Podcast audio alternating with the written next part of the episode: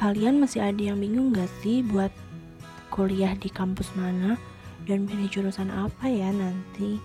Yuk gabung sama kita di Universitas Ibnu Khaldun Bogor. Universitas Ibnu Khaldun Bogor memiliki enam fakultas yang terdiri dari Fakultas Keguruan dan Ilmu Pendidikan, Fakultas Hukum, Fakultas Ekonomi dan Bisnis, Fakultas Ilmu Kesehatan, Fakultas Teknik, dan Fakultas Agama Islam. Yuk menjadi bagian dari Fakultas Keguruan Ilmu Pendidikan. Di Fakultas Keguruan dan Ilmu Pendidikan memiliki tiga prodi atau tiga jurusan yang terdiri dari pendidikan masyarakat, pendidikan bahasa Inggris, dan teknologi pendidikan. Nah, teknologi pendidikan berdiri pada tahun 2013 Tujuan didirikannya adalah untuk memenuhi kebutuhan teknologi pendidikan dalam upaya menyelesaikan masalah pendidikan. Prospek kerja di teknologi pendidikan nanti bisa bekerja di stasiun pertelevisian, bisa menjadi tenaga pengajar atau menjadi guru, bisa menjadi pengelola sistem pembelajaran di universitas, menjadi pengembang sistem di kepolisian atau TNI, menjadi dosen, menjadi guru kursus pelatihan komputer, pengelola sistem di lembaga diklat, dan produksi media sarana pendidikan. Yuk bergabung dengan kita untuk menjadi bagian dari keluarga Universitas Ibnu Khaldun Bogor.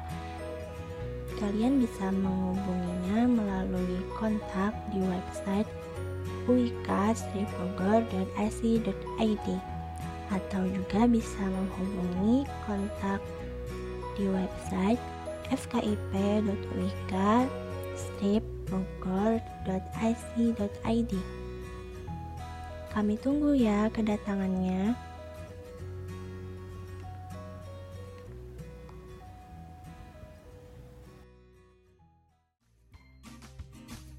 Assalamualaikum teman-teman.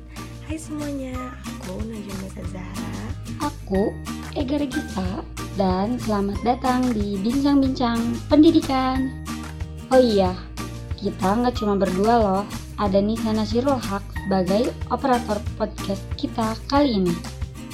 Oke, gak usah lama-lama nih ya perkenalannya. Di sini dan hari ini kita bakal ngobrol-ngobrol dan sedikit mengulas tentang pembelajaran daring peluang serta tantangannya. Wah, kayaknya seru nih tema yang bakalan kita bahas hari ini. Pasti seru dong. Oh iya, sebelumnya aku mau nanya dulu nih. Pernah gak sih kalian baca berita yang bilang katanya PPJ atau pembelajaran jarak jauh beda sama pembelajaran daring? Oh iya, pernah baca sedikit sih tentang berita itu, tapi belum tahu lebih jelasnya bedanya apa. Nah, sekarang aku kasih tahu nih. Jadi, kemarin tuh aku sempat baca di internet, Kemendikbud bilang PPJ itu beda sama pembelajaran daring. PPJ itu dibagi dua bagian. Yang pertama, ada daring atau dalam jaringan, yang pastinya online dan luring luar jaringan, yang dijalankan secara offline.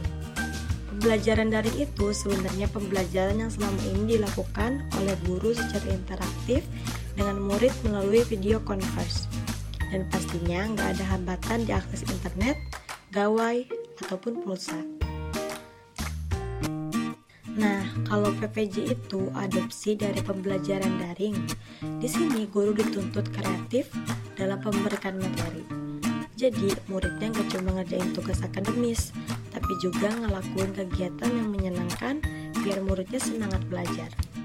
Oh, jadi gitu bedanya. Berarti PJJ itu berlaku untuk di anak TK sama anak SD aja ya? Soalnya anak SMP, SMA, apalagi yang kuliah nih, cuma dapat tugas akademis aja. nah, bisa jadi begitu sih. Coba nih kalian para pendengar episode bincang-bincang pendidikan sesuai fakta atau tidak kalau selama ini cuma dapat tugas. Mana suaranya nih yang cuma dapat tugas selama pembelajaran daring? Kerasa banget kan bedanya proses kegiatan belajar mengajar yang awalnya biasa di ruang-ruang kelas secara tatap muka sekarang harus digantikan sama metode PJJ atau pembelajaran jarak jauh yang memanfaatkan media sosial dan beberapa aplikasi belajar pada laman internet. Dan sebenarnya PJJ itu bukan hal yang baru dalam dunia pendidikan. Dilihat dari peraturan Menteri Pendidikan dan Kebudayaan Republik Indonesia nomor 24 tahun 2012 tentang penyelenggaraan pendidikan jarak jauh. Sistem PJJ menjadi bagian yang menyatu dalam dunia pendidikan di Indonesia. Oh iya, yang aku tahu juga di Indonesia sendiri, selain UT, terdapat 6 universitas lain yang menerapkan PJJ. Di antaranya Universitas Indonesia, Institut Teknologi Bandung, Universitas Gajah Mada, Universitas Teknologi Surabaya, Universitas Binus, dan Amikom Yogyakarta. Halo, kalian masih ada yang bingung gak sih buat kuliah di kampus mana dan pilih jurusan apa ya nanti. Yuk gabung sama kita di Universitas Ibnu Khaldun Bogor. Universitas Ibnu Khaldun Bogor memiliki enam fakultas yang terdiri dari Fakultas Keguruan dan Ilmu Pendidikan, Fakultas Hukum, Fakultas Ekonomi dan Bisnis, Fakultas Ilmu Kesehatan, Fakultas Teknik, dan Fakultas Agama Islam. Yuk menjadi bagian dari Fakultas Keguruan Ilmu Pendidikan. Di Fakultas Keguruan dan Ilmu Pendidikan memiliki tiga prodi atau tiga jurusan yang terdiri dari pendidikan masyarakat, pendidikan bahasa Inggris, dan teknologi pendidikan. Nah, teknologi pendidikan berdiri pada tahun 2013 Tujuan didirikannya adalah untuk memenuhi kebutuhan teknologi pendidikan dalam upaya menyelesaikan masalah pendidikan.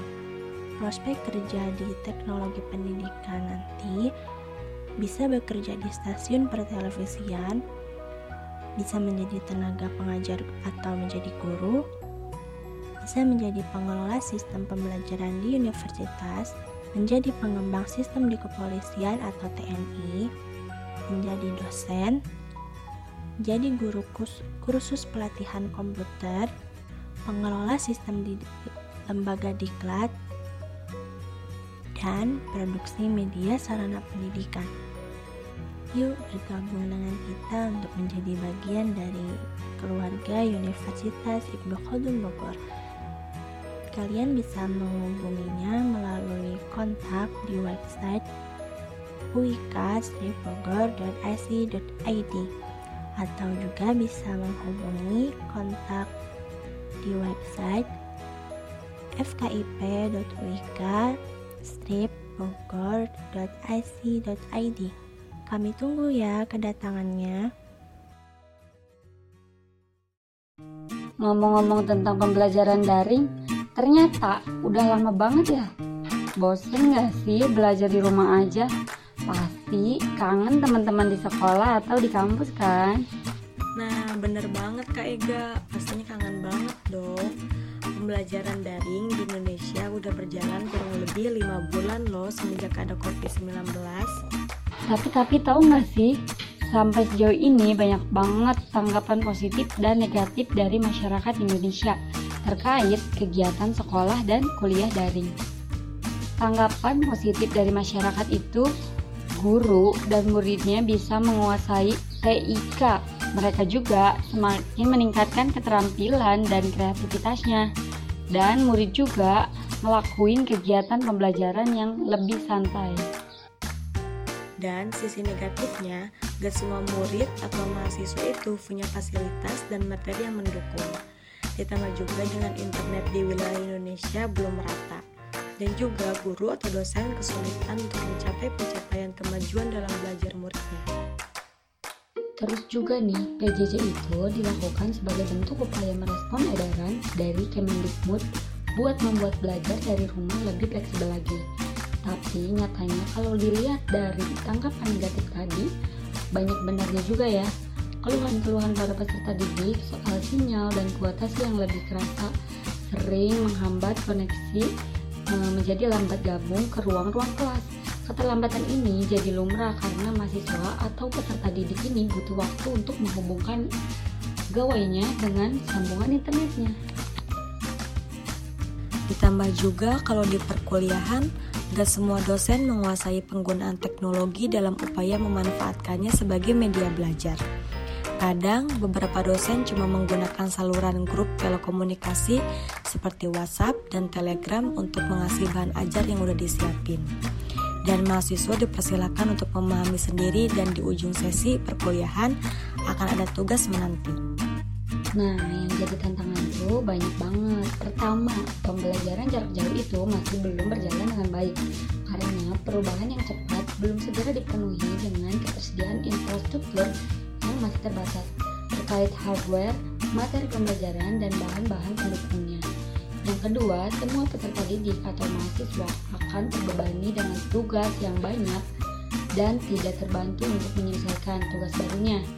Jadi, pekerjaan tidak terlaksana dengan baik. Lalu yang ketiga, penutupan sekolah atau kampus akan memperluas kesenjangan. Sebelum musibah, memang ada peserta didik atau mahasiswa yang sudah memiliki hardware, tapi ada juga yang belum. Nah, sebenarnya sih supaya peserta didik atau mahasiswa bisa mengikuti pembelajaran secara online secara sama, sekolah atau kampus itu harus mampu menyediakan fasilitas. Dan terakhir yang keempat, miskin pengalaman di bidang teknologi mutakhir. Selama musim pandemi mendorong bekerja keras untuk menggunakan teknologi mutakhir. Di antaranya kita pasti tahu bahwa banyak siswa atau mahasiswa selama masa pandemi ini memiliki pengalaman terbatas, terutama dalam menggunakan teknologi mutakhir, karena belum terbiasa menggunakannya. Nah, di era pandemi ini yang terpaksa menggunakan teknologi mutakhir untuk pelaksanaan tes ternyata cukup memberatkan dan merugikan. Duh, berat juga ya tantangan yang harus dihadapi di masa pandemi ini, tapi di balik itu semua pasti selalu ada peluang. Pertama, pendekatan blend learning bisa dicoba, diuji, dan digunakan secara terus-menerus. Kita tahu bahwa gaya belajar yang lebih mengikut sertakan sehingga bisa lebih interaktif dan belajar dengan tatap muka itu jauh lebih baik daripada belajar melalui online saja. Makanya untuk bisa mendapat pembelajaran lebih efektif, perlu digabungkan antara belajar tatap muka dan online dengan proporsi sesuai dengan sifat mata-mata pelajaran atau mata kuliah. Kedua, guru atau dosen dan sekolah atau kampus akan menerima respek, apresiasi dan dukungan terhadap perannya yang penting di masyarakat. Ketiga, materi pembelajaran yang bermutu akan lebih baik dijaga dan digunakan secara luas. Para pendidik melihat para pendidik lainnya sebagai sumber yang sama baiknya untuk membantu menciptakan pembelajaran online yang berkualitas tinggi. Keempat, Krisis ini bisa membantu kita untuk bekerja sama dengan lintas batas. Bisa tingkat kabupaten, tingkat provinsi, tingkat nasional, tingkat ASEAN, dan bisa tingkat benua. Dalam situasi dan kondisi seperti sekarang ini, kita bisa tumbuhkan sikap empati, terutama bidang pendidikan. Tapi tidak semudah di sektor politik dan ekonomi misalnya, karena pendidikan lebih bisa mengedepankan rasa humanis. Tanggapan positif dari masyarakat tadi bisa dijadiin peluang loh, misalnya meningkatkan wawasan berpikir peserta didik untuk mendalami materi yang udah dikasih dan juga waktu belajar yang lebih fleksibel. Dan pastinya juga anggapan negatif itu yang jadi tantangan untuk kita semua sebagai peserta didik, apalagi yang tidak memadai fasilitasnya Tentunya juga tantangan bagi pemerintah terkait sinyal yang belum merata dan Kemendikbud untuk meningkatkan metode pembelajaran daring ini. Oke, dari semua pembahasan yang udah kita bahas tadi, pasti ada beberapa atau mungkin banyak pelajaran yang bisa kita ambil. Tentunya dari pembelajaran daring ini pasti ada hikmahnya. Dunia pada prakteknya sudah tidak batas secara nyata semua sudah saling terkoneksi baik yang nyata maupun yang samar. Peribahasa peradaban tidak bisa dihindari. Yang jelas, tantangan hidup ini harus dihadapi untuk survive. Semoga pembelajaran daring bisa menjadi efektif dengan adanya sinergisitas yang baik antara seluruh elemen pendidikan. Juga kesempatan yang ada harus bisa di-manage untuk bisa menjadi kompeten dan kompetitif dengan tetap mengedepankan kehidupan yang kolaboratif. Semoga. Ya, itu aja yang kita bahas untuk episode bincang-bincang pendidikan mengenai peluang dan tantangan pembelajaran daring. Terima kasih sudah mendengarkan dan setia di podcast ini. Bergabung lagi dengan kita minggu depan ya. Kita bakal bahas tentang pendidikan yang lain lagi. Jangan lupa buat terus dengerin podcast kita loh ya, biar nggak ketinggalan nih episode-episodenya. See you guys. Wassalamualaikum warahmatullahi wabarakatuh. Halo, kalian masih ada yang bingung gak sih buat kuliah di kampus mana dan pilih jurusan apa ya nanti? Yuk gabung sama kita di Universitas Ibnu Khaldun Bogor. Universitas Ibnu Khaldun Bogor memiliki enam fakultas yang terdiri dari Fakultas Keguruan dan Ilmu Pendidikan, Fakultas Hukum, Fakultas Ekonomi dan Bisnis, Fakultas Ilmu Kesehatan, Fakultas Teknik, dan Fakultas Agama Islam. Yuk menjadi bagian dari Fakultas Keguruan Ilmu Pendidikan di Fakultas Keguruan dan Ilmu Pendidikan memiliki tiga prodi atau tiga jurusan yang terdiri dari pendidikan masyarakat, pendidikan bahasa Inggris, dan teknologi pendidikan. Nah, teknologi pendidikan berdiri pada tahun 2013. Tujuan didirikannya adalah untuk memenuhi kebutuhan teknologi pendidikan dalam upaya menyelesaikan masalah pendidikan prospek kerja di teknologi pendidikan nanti bisa bekerja di stasiun pertelevisian, bisa menjadi tenaga pengajar atau menjadi guru, bisa menjadi pengelola sistem pembelajaran di universitas, menjadi pengembang sistem di kepolisian atau TNI, menjadi dosen, menjadi guru kursus pelatihan komputer, pengelola sistem di lembaga diklat, dan produksi media sarana pendidikan. Yuk bergabung dengan kita untuk menjadi bagian dari keluarga Universitas Ibnu Khaldun Bogor. Kalian bisa menghubunginya melalui kontak di website uik.bogor.ac.id atau juga bisa menghubungi kontak di website fkip.uik-bogor.ic.id Kami tunggu ya kedatangannya.